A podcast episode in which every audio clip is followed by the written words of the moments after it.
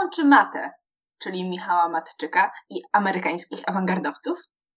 Dobre pytanie. Dziś będzie dużo o poezji, trochę o jazzie i o rewolucji. Pozostańcie z nami.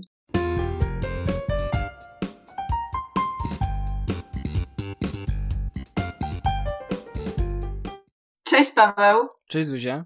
Dziś porozmawiamy o Big Generation, czyli awangardowej grupie literackiej działającej w powojennych Stanach Zjednoczonych. Popularna zwłaszcza w latach 50. XX wieku. Ale uwaga, uwaga. Po polsku to się nazywa generacja bitników. E, tak, uważam, że to tłumaczenie jest dość śmieszne, więc e, przez resztę odcinka jednak będziemy się chyba posługiwać oryginalną nazwą. Tak, bardzo proszę, bardzo proszę. Generacja bitników brzmi, nie wiem, jak taka grupa zbierająca żuki trochę? Nie wiem, mam takie wyobrażenie w mojej głowie, jak to W słyszę. sensie brzmi jak, nie wiem jak to powiedzieć, ale jakieś stowarzyszenie, które robi dziwne rzeczy. Weź jak zbiera żuki. Albo... Zbiera żuk. Na przykład. Więc pozostajemy jednak przy tej anglo, anglosaskiej wersji oryginalnej. A ogólnie wszystko zaczęło się od tego, że jakiś, nie wiem, tydzień temu, to był tydzień temu, nie wiem, obejrzałam film Kill Your Darlings po polsku, Nasz śmierć i życie. E, I zafascynowałam się po prostu tym ruchem literackim e, i, i od razu poleciłam ci, żebyś obejrzał ten film, e, bo jest świetny. No tak było, obejrzałem również. A to co do samego twórcy. Wcześniej John Krokides, y, bardzo ciekawe nazwisko, był reżyserem filmów krótkometrażowych i ich producentem. Zaś Kill Your Darlings z 2013 roku jest jego debiutem w długiej formie. Nie wiem jak ty, Paweł, e, ale ja czekam na kolejny. Minęło 7 lat. Chyba czas najwyższy, żeby po- powstał jakiś kolejny film. Oj Zuzia, po prostu dałabyś temu biednemu artyście istnieć na jego zasadach. No po prostu on będzie tworzył tak jak chce. Nie masz żadnego zrozumienia dla, dla artysty. Ja, ja, ja nie mogę. No ja po prostu się niecierpliwię, bo, bo wiem, że w tym człowieku jest ogromny potencjał. Wiem, no w sensie stworzył bardzo piękny film biograficzny, więc domyślam się, że chcesz zobaczyć jeszcze jakiś jego film w dłuższej formie, który by ci się spodobał. Your Darlings pokazuje, jak kształtował się umysł młodego poety. Jest to film, który posiada wiele dobrych wątków, ale najbardziej ze wszystkich zaintrygował mnie wątek tego, jak powinna wyglądać poezja i kto ją y, kształtuje i po co. Cudowne jest, że bohater jest dynamiczny i obserwujemy jego przemianę z grzecznego, sumiennego Żyda w Wagarowicza i bywacza pubów. Nie wiem, co cię śmierzy w słowie Żyd. No, Mnie śmieszy to, że porównuję jakby to przejście z grzecznego y, Żyda, tak? Jak to powiedziałeś? Nie, nie pamiętam. Grzecznego, sumiennego chyba, tak? Żyda w Wagarowicza i bywacza pubów. Ale tak było, Tak, no. Pawłów, no, y, no tak, ale dokładnie to obserwujemy. Ale nie, nie wiem, ciekawe, że wyciągnąłeś tą, że je, jego pochodzenie i jego religię A wyciągnąłeś. to jest dosyć ważne, w sensie wspominane parę razy. No, nie wiem, czy to, no w sumie może ważne. Okej, ja, ja, ch- chyba jesteśmy innymi w ogóle odbiorcami, e, bo zwracamy w ogóle uwagę na zupełnie inne rzeczy. Ale tak, no szczerze, według mnie ten film ma absolutnie wszystko, co lubię. E, dobrze ubranych ludzi w, w klimacie okołowojennym, przystojnych mężczyzn z dobrymi fryzurami, bo, bo to jest istotne, e, no i świetnie napisany i wygrany wątek romantyczny. No tak, wątek o nieodwzajemnionej, miło- nieodwzajemnionej miłości, która poszła nawet nie o krok, ale parę kroków za daleko. No i oczywiście wątek kryminalny jako zwieńczenie tych wszystkich poprzednich wątków, których jest mnóstwo i możecie wszystkie wyłapać. Bardzo polecam. A nie będziemy zdradzać więcej, ale zaznaczymy tylko, że jest tam literatura, poezja, właśnie ten element kryminalny, zagłębienie w psychologię postaci, marzenia, pasja, narkotyki i jazz. Gdybym miała wybrać, jakim filmem bym chciała być, to byłby to Kill Your Darlings. Tylko, że jakbyś była filmem, to byś nie mogła spożywać tych narkotyków. Dzięki Paweł, że, że, że niszczysz wszelkie, wszelkie po prostu moje marzenia. Tak? Bycie Ale- filmem ale- to ale- co jest istotne, e, przypatrzmy się może kto gra główną rolę, bo gra ją Daniel Radcliffe i większość z nas, przynajmniej ja do tej pory, kojarzyłam go bezpośrednio z rolą Harry'ego Pottera. A okazuje się, że zagrał w bardzo dużej ilości filmów, bo ponad 25 i, i wszystkie są różnorodne. No w sumie bardzo dobrze, no bo szczerze to jest, trochę się obawiałem, że już na zawsze będzie kojarzony z Harrym Potterem, E, I jak będziemy widzieć jego twarz, to powiemy, o, Harry, a, a, a to jest Daniel. Okej, okay, dobra, no zdarza się. Wydaje mi się, że tak troszeczkę e, na naszych rodzimych ziemiach miał, miał Cezary Bazura. Wie, większość z nas w Polsce kojarzy go głównie z ról komediowych, a przecież na swoim koncie ma potężny dorobek dramatyczny, również za granicą. A to jest wątek, o którym rzadko się mówi w kontekście kariery Cezarego Bazury.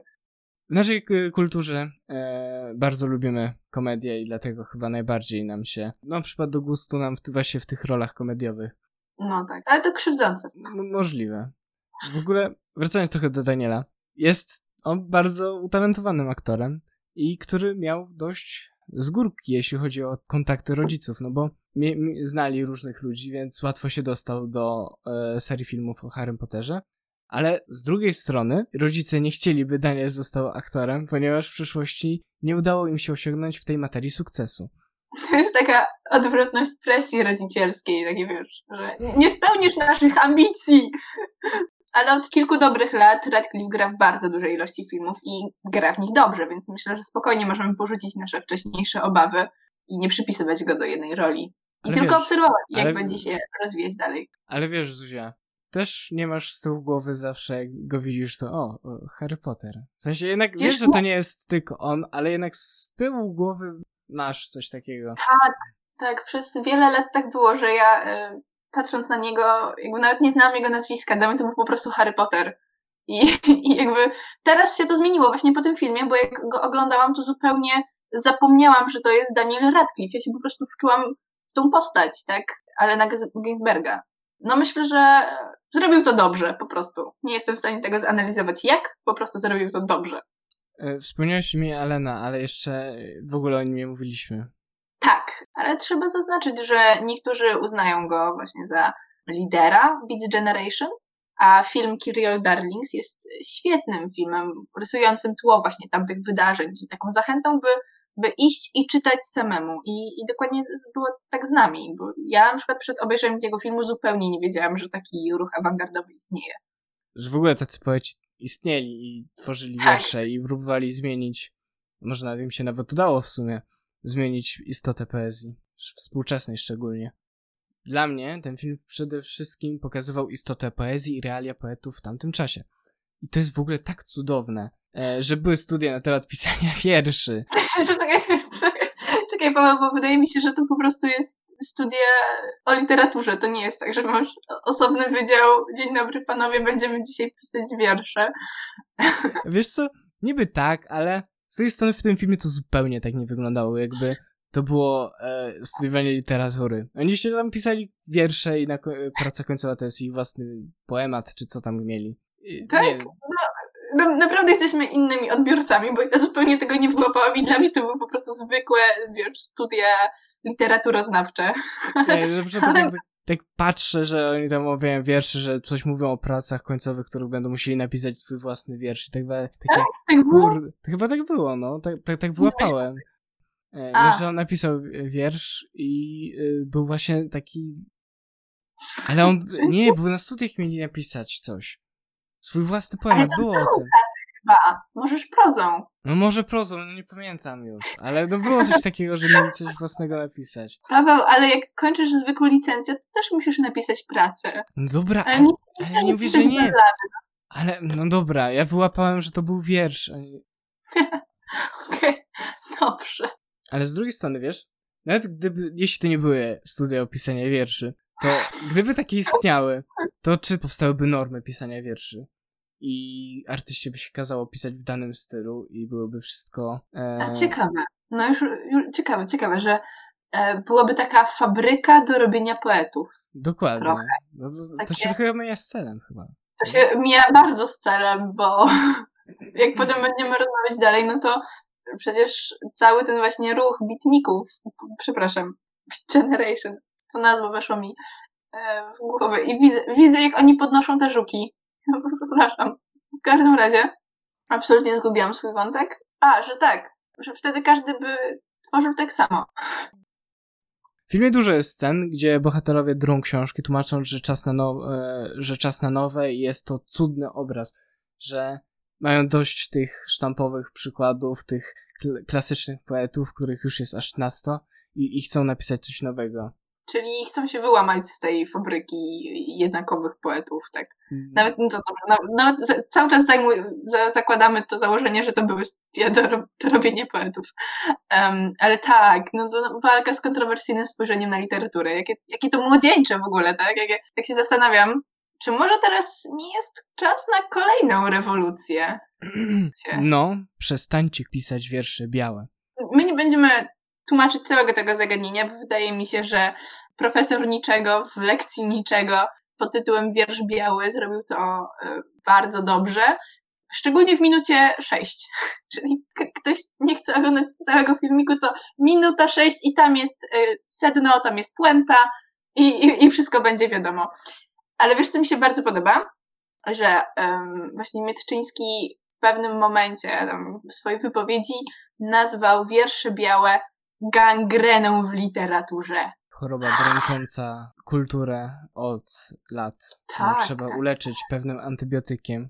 Ale jakie, jakie to obrazowe gangrena w literaturze. Piękne, piękne. Właśnie nawet poetyckie bym powiedziała. Często rozmawiamy prywatnie na takie tematy i, i wiesz, że ja osobiście nie lubię współczesnej poezji za ten właśnie wylew wierszy białych. Tak? No, denerwuje mnie, że coś, co nazywamy dzisiaj poezją, jest zwykłym zdaniem zapisanym z enterami po prostu. Oczywiście e, pomijam tutaj wiersze różewiczowskie, tak, opisujące powojenne doświadczenia. To nieco inny przypadek, e, tak no. Poezja zaciśniętego gardła to, to trochę nie przystoi nawet pisać o koszmarze o Święcimie, używając wiesz, pięknych metafor, skomplikowanych epitetów. No, myślę, że się tutaj z tobą zgadzam, ale czy przypadkiem wiersze białe nie wynikają z nutu sztuki współczesnej? W sensie yy, poglądu, że każdy może być artystą, że każdy tworzy sztukę w swoim życiu i każdy może namalować obraz abstrakcyjny, czy napisać wiersz właśnie biały. No, no dobra, Mo, może, może tak jest, ale przyznasz, że, że jest to trochę tak, jak to określił właśnie Witczyński, trochę lamerskie. I ja się z tym po prostu nie zgadzam, że, że wiesz, pisanie wierszy białych w pewien sposób to taka droga na skróty. To jakaś taka pl plama hańby na poezji. Nie wiem, wszyscy chcą być jak Szymborska, ale Szymborska była jedna i ciężko ją teraz podrobić albo, no właśnie, podrobić. Dla mnie mi się wydaje, że to, co próbujemy zrobić, to naśladować innych. I wydaje mi się, że może trzeba wymyślić coś nowego. Rewolucja. Tak. Tak, no, no błagam, zadbaj chociaż, żeby był rytm w twoim utworze. Proszę, naprawdę, to jest taki mój mały apel do społeczeństwa. Jeżeli nie umiesz rymować i bardzo chcesz pisać poezję, to chociaż zadbaj o to, żeby tam był rytm. Dobierz te słowa przemyśleniem uprzednim, jakie dobierasz. Dobra, jak już mówiłem o rytmie, to możemy powrócić do pokolenia bitników. Błagam, błagam Paweł. Beat Generation. Umówiliśmy się, że nie używamy słowa, które kojarzy się z żukami, tak? Bo ja w tle mam, a nie podnoszę. Dobrze.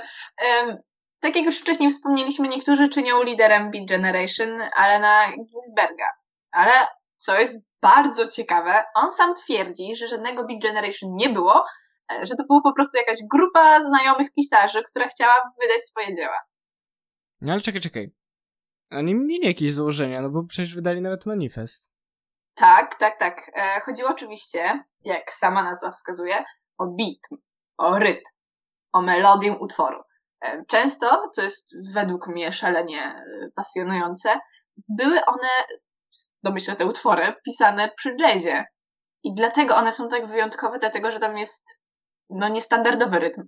Tak? Dlatego te utwory są inne w pewien sposób. No, a ja słyszałem, że beat w, słowie, w nazwie może też odnosić się do pobicia lub zniszczenia, z angielskiego to be Mhm. beaten. E, W swoim poemacie Skowyt na początku Allen napisał, że widział największe umysły, jakie znał, zniszczonych przez głód i szaleństwo.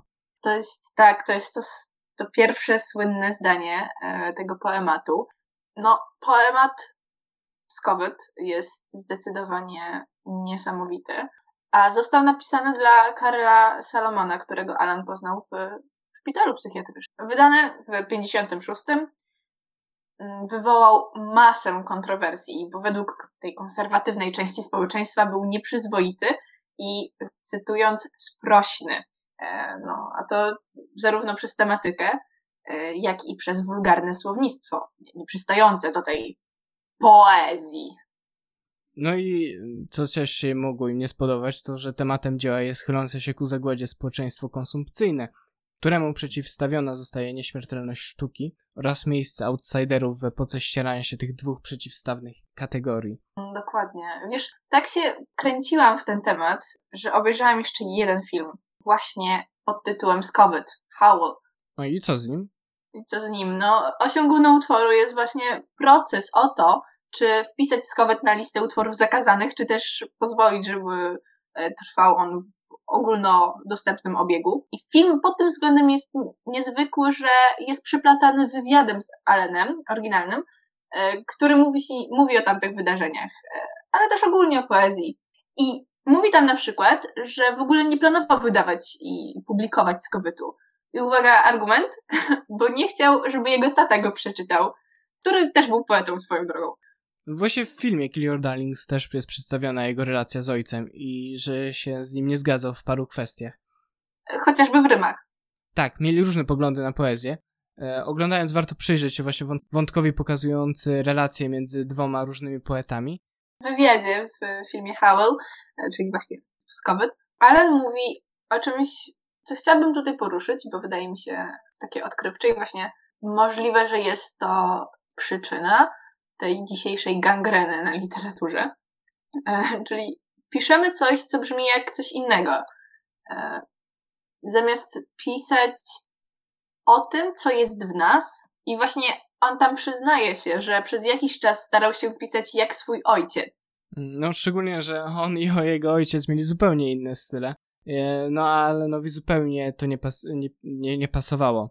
No i nie zgadzał się zupełnie z tym stylem. No, miał zupełnie inne pojęcie sztuki i inaczej rozumiał wiersz. Mhm. Coś, co jeszcze wyłapałam, a uważam za bardzo ciekawe, to e, różnica, jak on to powiedział, what you tell your friends and what you tell your muse. I, I tłumaczy tam, że tematy, o których rozmawiamy na co dzień ze znajomymi, tak przyjaciółmi, są no wszelakie. Od futbolu po, po nieudane związki, kończąc na mniej cenzuralnych tematach. I dlaczego, on, on zadaje to pytanie, dlaczego nie mielibyśmy umieszczać tych codziennych spraw, tych codziennych głosów, które się w nas pojawiają, w poezji? Hmm, myślę, że ta jego rewolucja otworzyła nowy prąd w poezji.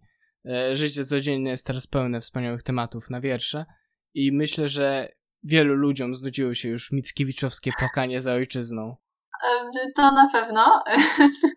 Podoba mi się to, jak przesunąłem, przesunąłeś po prostu jeden kontynent na drugi i Ameryka, tu Mickiewicz, ale Mr. wydaje mi się, że przecież Mickiewicz kocha wszystkie narody. Już taka chwila próbowałam zacytować Wielką Improwizację, jak to było. Ja, ja kocham e, Cierpię za miliony, bo za miliony kocham i cierpię Nie, Czekaj, nazywam się Milion, ja kocham... bo za miliony kocham tak, i cierpię Tak, ale ja kocham, ja kocham każdy naród. Te i przyszłe, przeszłe pokolenia więc śmiało możemy powiedzieć, taka jest konkluzja, że Mickiewicz był poetą wszystkich narodów, również Ameryki, tak? Więc im też mogła, mogła się znudzić poezja Mickiewiczowska. No i mniej więcej z tego powodu Skowyt ma taką tematykę i taką formę. Opisuje zjawisko, które miało wtedy miejsce w amerykańskim społeczeństwie, ale o którym wyższe konserwatywne klasy chciały milczeć. W myśl zasady, że jeżeli się o czymś nie mówi, to tego nie ma. Hmm, kojarzy, kojarzy mi się z pewnym utworem. Tak, chyba, chyba wiem, o czym myślisz, bo, bo pomyślałam chyba o tym samym. I wiem, że to strasznie głupie porównanie, ale czy, czy myślisz może o utworze Maty, Pato Inteligencja? Yy, może na pewno. Może na pewno. tak, no to jest yy, niesamowite, że właśnie to połączenie, o którym tutaj yy, próbujemy powiedzieć, to to, że powstał utwór, który mówi o czymś, co jest, ale jakoś udajemy, że nie istnieje. No tak samo właśnie problem narkotyków wśród młodzieży, właśnie w inteligencji. I no o tym jest film też, że konserwatywni profesorowie no, są porównani do faszystów i wrogów sztuki. Tak jak właśnie faszyści i naziści w Europie, którzy w tamtej czasie walczyli e, w Europie. I, I to było takie bardzo dobitne porównanie. Tak, no. E, też musimy zaznaczyć, że to był to był czas, kiedy ludzie wracali z wojny, więc byli absolutnie zniszczeni. Albo dalej e, walczyli. Tak, albo da, nadal walczyli, bo chyba wydaje mi się, że akcja filmu. Dzieje się podczas um, wojny. Tak, tak, dzieje się podczas wojny i jest nawet y, komunikat w radiu, że hej, skończyła się wojna, uhu! Ale coś, co chciałam zaznaczyć, to to był czas już powstawania syntetycznych narkotyków.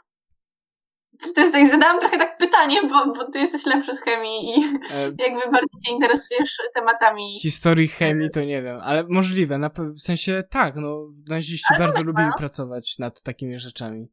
Również. Nie, nie ale, ale zastanówmy się, no przecież... Na, na pewno, na pewno, na pewno, bo yy, tak, bo robili broń biologiczną, ale też robili y, różne narkotyki, które miały stymulować żołnierzy nazistowskich. Tak, właśnie, działania. właśnie. O, tym mówię, że właśnie konsekwencją, jedną z wielu wojny jest właśnie powstanie syntetycznych narkotyków. Kiedy powstały LSD?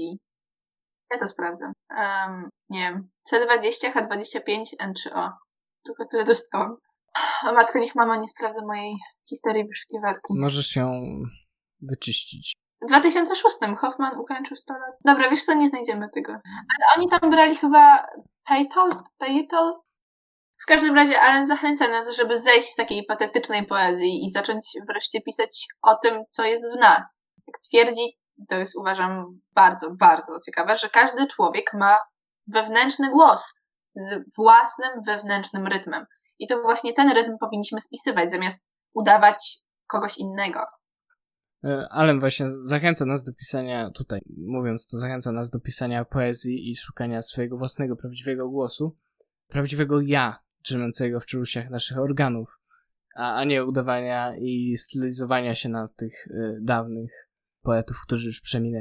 Tak, i właśnie jak odkryjemy ten nasz wewnętrzny rytm, okaże się, że jest niekiedy lepszy od tych byłych poetów, w sensie jak przyjrzymy się utworom Ginsberga, to widzimy, że one są bardzo melodyjne i bardzo łatwo przejść od recytacji do śpiewu. E, no, oczywiście tutaj e, coś, co ci wysłałam, to jest balada o amerykańskich kościotrupach, więc no, oczywiście to jest balada, więc jest to ułatwione. Ale nawet zwykłe utwory są, są zachowane właśnie z takim śpiewem w sobie. Weź wszedłem w tego linka i sobie poszperałem nawet dalej i też jego Aha. utwór Vomit Express, zaśpiewane z Bobem Dylanem, też jest bardzo melodyjne i bardzo wchodzące w mózg. wchodzące w mózg, okej. Okay. Um, ja zachęcam, zachęcam do tego, można nawet na, na YouTubie znaleźć filmiki z e, oryginalnym Alanem Ginsbergiem, e, który śpiewa, nie wiem, z Bobem Dylanem albo z innymi muzykami e, swoje własne utwory. I to, to pokazuje, to, to jest fajne pod tym względem, że możemy faktycznie usłyszeć, jak autor wyobrażał sobie te utwory, żeby brzmiały. Taka, taka pełność doświadczenia utworu. I wiesz, i to tak przewrotne, przynajmniej w mojej opinii, że mówimy dziś o rytmice jak o czymś przełomowym. A przecież metrum było podstawą całej poezji klasycznej. Chociażby to, że były one wykonywane zazwyczaj w obecności lutni, świadczy o tym, że musiały być melodyjne, tak? Wystarczy zajrzeć do oryginału Iliady i, i już ma się dowód na to, że jest tam konkretna właśnie melodia, rytm. No i wtedy wiesz, kryterium, czy wiesz, był znany, czy nie, było właśnie to, jak, jak autor włada słowami. E, rytm w wierszach pisanych łaciną wynikał z różnicy w długości wypowiadanych samogłosek, tak zwany iloczas. Czy ty się tego nauczyłeś z Wikipedii? E, nie, po prostu to wiem i się interesowałem językami, więc doskonale wiem, co to jest iloczas. Okej. Okay. E, tak, no tam była chyba różnica po prostu w długości wymawianej samogłoski. E, czekaj, bo ja, ja, też miałam podstawy he, łaciny e, i to się zaznacza taką kreseczką. Tak, kreseczką. No. Tak, taką kreseczką i to znaczy, że dana samogłoska, daną samogłoskę wymawiamy dłużej. Ale wiesz, co ja znalazłam, jaka ciekawostka, że w języku polskim też to mieliśmy. No tak. I tak, no, no tak, mówisz jakby to było takie oczywiste. No tak, to mieliśmy przecież. To tak, prasłowiański się na tym opierał bardzo. Okej, okay, dobra, to, to jednak ty jesteś większym frikiem, jeżeli chodzi o języki. W każdym razie, ten iloczas w języku polskim e, zniknął około XIV wieku? No, mniej tak. więcej tak. Może tak później, ale może też trochę wcześniej. No, mniej więcej. Może tak, ciężko określić. Źródła nie są spójne w tym temacie jak już mówimy o poezji. Tak jakbyśmy nie robili tego od pół godziny, to poezja amerykańska jest ciekawa pod tym względem, że Ameryka jest dość młodym państwem i nie ma całej tej kultury, wiesz, chociażby monarchii. No, my mieliśmy monarchię i, i właśnie ludy prasłowiańskie, które tutaj były i miały iloczas w swoim języku. I Brytyjczycy, no nie wiem, chociażby tutaj, jeżeli już mówimy o anglosasach, Brytyjczycy mają swojego Szekspira, my mamy Kochanowskiego. Amerykanie? Amerykanie mają tylko poezję współczesną.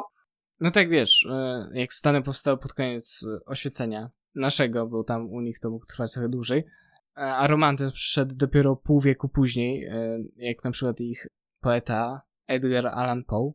A, czekaj, czekaj, bo wydaje mi się, że Poe pisał też opowiadania takie strasznawe. On chyba pisał obie rzeczy, i wiersze, i opowiadania. Tak, Był i wszechstronny ja bardzo. Polecam, bo one są super, w sensie naprawdę klasyka gatunku. No, ale y, co No właśnie, ale po latach w końcu role się odwróciły i to Amerykanie stali się kreatorami trendów w sztuce. Właśnie Hollywood i ogólnie kultura amerykańska stała się w końcu ogólnoświatową poprzez globalizację. Y, no a jest to zasługa bardzo rozwiniętego przemysłu kinematograficznego i muzycznego. No, okej. Okay. Tak jest. Zgadzam się, faktycznie. No dzisiaj te wpływy Stanów Zjednoczonych na naszą kulturę są zdecydowanie większe. No ciekawe, że to się tak odwróciło, prawda? Że kiedyś oni nie mieli nic. Kiedyś Brytyjczycy byli imperium, a teraz to Stany są supermocarstwem. Kiedyś Rzym był od morza do morza. E, Polska też była od morza do morza. No. Przedmurze Europy. To były czasy, nie? A, jeszcze pamiętam. Te, teraz jeszcze, jeszcze pamiętam. No właśnie. Um, ale wiesz, jak myślałam o właśnie poezji e, angielskiej ogólnie, to zawsze wydawało mi się, że pisanie rytmiczne w języku angielskim właśnie jest łatwiejsze i takie bardziej naturalne. No nie wiem, jak e, zaproponowaliśmy ten temat, to od razu pomyślałam chociażby o Szekspirze i ten dudum, dudum, dudum. E, wiesz co, myślę, że nie jesteś w stanie wyczuć rytmiki w polskim, bo się nim normalnie posługujesz i myśl, myślę, nie jestem pewny, że w polskim też jest rytm. Jakiś też łatwo da się pisać, tylko że tego nie czujesz. No może tak jest, że, że faktycznie posługuje się tym językiem i, i nie czuję tej melodii, co, co dość słabo o mnie świadczy. I tak się zastanawiałam, bo ciężko mi było znaleźć takie utwory, których, których faktycznie ten rytm jest ważny. Ale okazuje się, że im więcej szukasz, tym więcej znajdujesz. Jak, jakie to odkrywcze, prawda? Zapamiętajcie tą lekcję. Co tak? W każdym razie znalazłam wiersz Adama Asnyka, choć pól i łąk, no, który ma rytm przepiękny. Nie wiem, przesłałam ci go, Paweł, co o nim sądzisz? E, jest piękny, uważam, że faktycznie czuć ten rytm. No i tak jak mówiłem, w polskim też się da robić ładny, rytmiczny wiersz. W polskim też się da i pozwólcie proszę, że zacytuję. Adam Asnyk, choć pól i łąk odmładzasz krąg, roznosząc woń miłosną, nie wrócisz mi, młodości dni, o czarodziejko wiosno. Nie wskrzesisz z wód, pojących w przód, zachwytem serce moje? Nie dla mnie już rumieńce róż i świeżych uczuć zdroje. Więc szczary Twej dla innych lej rozkoszy słodkie miody. Niech z Twoich szat rwie cudny kwiat kochanków zastęp młody. Mnie tylko daj, szumiący gaj nad moją głową senną i otocz mnie w głębokim śnie miłością dusz promienną. Czyż to nie jest piękne? Delektujmy się. Czyż to nie jest piękne, Adasiu, Asnyku? Gdybym mogła, to bym ci przesłała takie wirtualne serduszko w tym momencie. Naprawdę. Myślę, że nie zrozumiem. E, e, nie, nie, nie zna pokolenia emotek i smartfon. Okej. Okay. Wydaje mi się, że rozmawianiem o tym wierszu y, będziemy go tylko psuć. Dlatego zostawiam wszystkich słuchaczy z tym wierszem. Przeczytajcie go sobie jeszcze raz sami. Nauczcie się go na pamięć recytujcie go sobie codziennie rano, przed, przed rozpoczęciem dnia i, i możemy zaproponować wam jeszcze jeden. No i choćby wiersz Leopolda Staffa, Deszcz jesienny. Tak, o szyby deszcz dzwoni, deszcz dzwoni jesienny. To też każde dziecko powinno znać ten, ten wiersz na pamięć. E, jest piękny, jest piękny. I wiesz coś ciekawe? Właśnie w tym momencie pada deszcz. Co prawda nie jesienny, ale rytmiczny. A wiesz co? Mam takie wrażenie, że jak mówisz, że każde dziecko powinno to recytować, czy, czy nie zachowujesz się trochę jak ten konserwatywny e, faszystowski e, profesor, który każe, e, mówi, że jest tylko jeden poprawny sposób. Jak mam, jak mam na to odpowiedzieć? Czy ja się mogę wybronić z, z takich zarzutów? Myślę, że nie. Nie, możecie sobie czytać słabą poezję, albo możecie czytać dobrą, no jakby ja wam nie narzucam, prawda? Myślę, że mówić, co jest dobre, co jest złe, trochę narzucasz. Ja moim dzieciom też wcale nie będę narzucać i podrzucać im odpowiednich tomików poezji. I wcale nie będę ich cenzurować, jeżeli chodzi o poetów, tak? Wcale. Będziesz dobrą matką. Wcale nie pójdę do tej polonistki, która będzie im czytała wiersze białe. Wcale nie pójdę. Dobrze. Wynotowałam sobie jeszcze trzeci wiersz, e, który też e, przyszedł mi do głowy. I oczywiście, oczywiście, czy to jest, czy to jest oczywiste? Myślę, że nie. Myślę, że nie. Chcesz wiedzieć? E, nie. tak, chcę wiedzieć. Dziękuję wam bardzo. Um, coś ciekawe to to, że jeżeli mówimy o melodii i o muzyce, to w ogóle nie przyszło nam do głowy, albo nie przyszedł nam do głowy walc Czesława Miłosza, który płynie właśnie w tańcu. Jak walc jest, jest niesamowity ten utwór. Jest dość długi, e, więc nie będziemy go tutaj czytać na wizji. Ale co jest bardzo ciekawe, to on jest z 42 roku, czyli mniej więcej kilka lat przed Big Generation. Myślę, że nawet po, kiedy się dzieje akcja filmu, to jest właśnie mniej więcej 43, coś takiego. Tak, możliwe, że jest to zwykły przypadek. A może nie. Nigdy się nie dowiemy. Nigdy się nie dowiemy. E, Zachęcamy też do przeczytania tego utworu. Czyta się go łatwo. Tak płynnie, No płynie. bo jest melodyjny, no to wiadomo. przez masełko się je i tak jedzie. E, No dobra. Myślę, że nasze pary tańczące walce zmierzają do brzegu. I, I ten podcast e, też zmierza do brzegu. Dziękujemy Wam bardzo za to, że byliście z nami i dotrwaliście do końca tego odcinka. Zachęcamy do tego, żeby przeczytać wiersze, o których wspominaliśmy. Przede wszystkim Alena Ginsberga, ale także nasze e, rodziny Poletko, Adam Asnyk, Choćból i Łąk, Leopold Staw, e, Deszcz Jesienny, Czesław Miłosz, e, Walc. No i co? No ja Ci dziękuję, Paweł. Ja tobie również, Zuziu. I e, korzystając z czasu antenowego, chcielibyśmy bardzo serdecznie pozdrowić Marceliusza. Jesteś super. Dziękujemy za uwagę. To był Paweł Ścieżbiński. I Zuzanna Frydrych.